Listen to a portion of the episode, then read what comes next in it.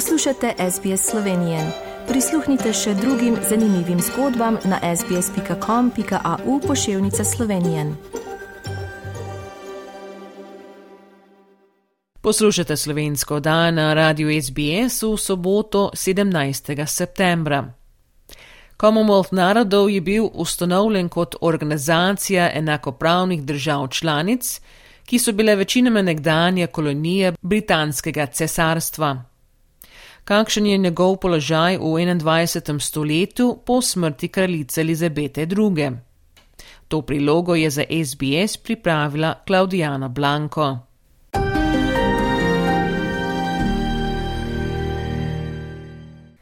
Zamisel o Commonwealthu narodov se je pojavila v zgodnjem 20. stoletju kot odgovor na izginevanje britanske moči, ko so različne kolonije začele pridobivati določeno stopnjo avtonomije ali neodvisnosti od cesarstva na različne načine in v ločenih stopnjah. Profesorica zgodovine na Avstralski nacionalni univerzi Angela Woolcott pojasnjuje. The British Empire actually was at its greatest extent and power right after World War One. In the early 1920s, the British Empire ruled something like a quarter of the world. It was at, at its largest extent. But at the very same time that it was at its biggest extent, it started to shrink.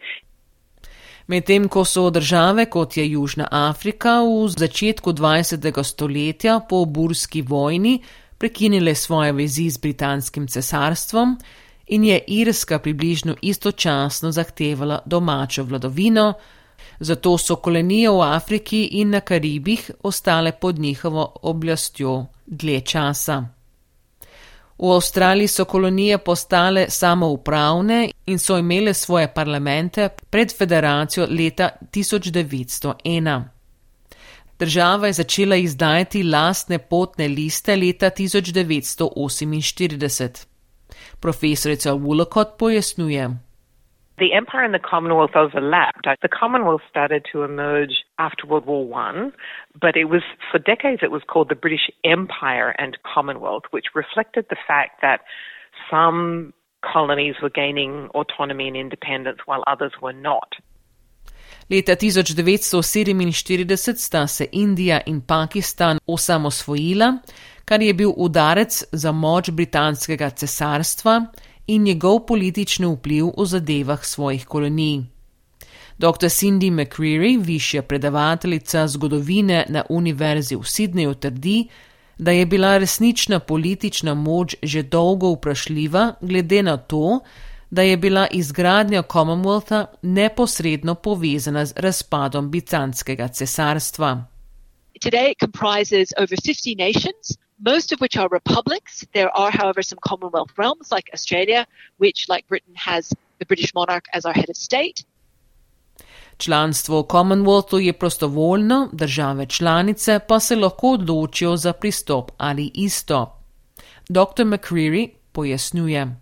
Most members of the Commonwealth now are republics and they uh, decided to have a president in most, most cases as head of state rather than the British monarch. But that doesn't prevent them from remaining as members of the Commonwealth. Now, there have been some states that have left the Commonwealth, others that have joined more recently. But on the whole, it's been a pretty stable organization since the beginning of the Queen's reign. Kako pa se je Commonwealth spremenil med 70-letno vladavino kraljice Elizabete II? Profesorica Woolcott meni, da se je velik del propada Commonwealtha zgodil, preden je leta 1952 na prestol prišla kraljica Elizabeta II., saj je bila njena moč povezana z idejo cesarstva. Vendar je bil v nekaterih primerjih nadzor nad koloniziranimi ozemlji prenesen na druge sile. En primer je Hongkong, ki je bil od leta 1841 kolonija britanskega cesarstva, leta 1997 pa je bil izročen Kitajski. Profesorica Woolcott takole pojasnjuje. It has shrunk from what it was. I don't think it has the same kind of power or status in the world now, even as some activities like sporting and you know the Commonwealth Games, which and cultural and other events continue. Dr. Cindy McCreary pojasnjuje, da se je Commonwealth razvijala pod vladavino kraljice Elizabete in njen mednarodni položaj je pod vprašaj. It's hard to really identify what the power of the Commonwealth is, and indeed that's been one of the criticisms made of the Commonwealth that it hasn't actually done much uh, in the past half century. Barbados pa je zadnja članica, ki je novembra 2021 opustila Commonwealth in postala republika. Smrt kraljice Elizabete je ponovno pozvala Avstralijo naj ji sledi. Ženska naroda Djaborong Gunaj Gundit Mara in senatorka stranka zelenih Lidija Thop pravi, da je čas, da država sklene pogodbo s prvimi narodi in postane republika. I believe that more and more people in this country don't want to be dictated by a colonial force from another country. We want to be our own country to self determine our own destiny. Všečkaj, deli, komentiraj. Spremljaj SBS Slovenijo na Facebooku.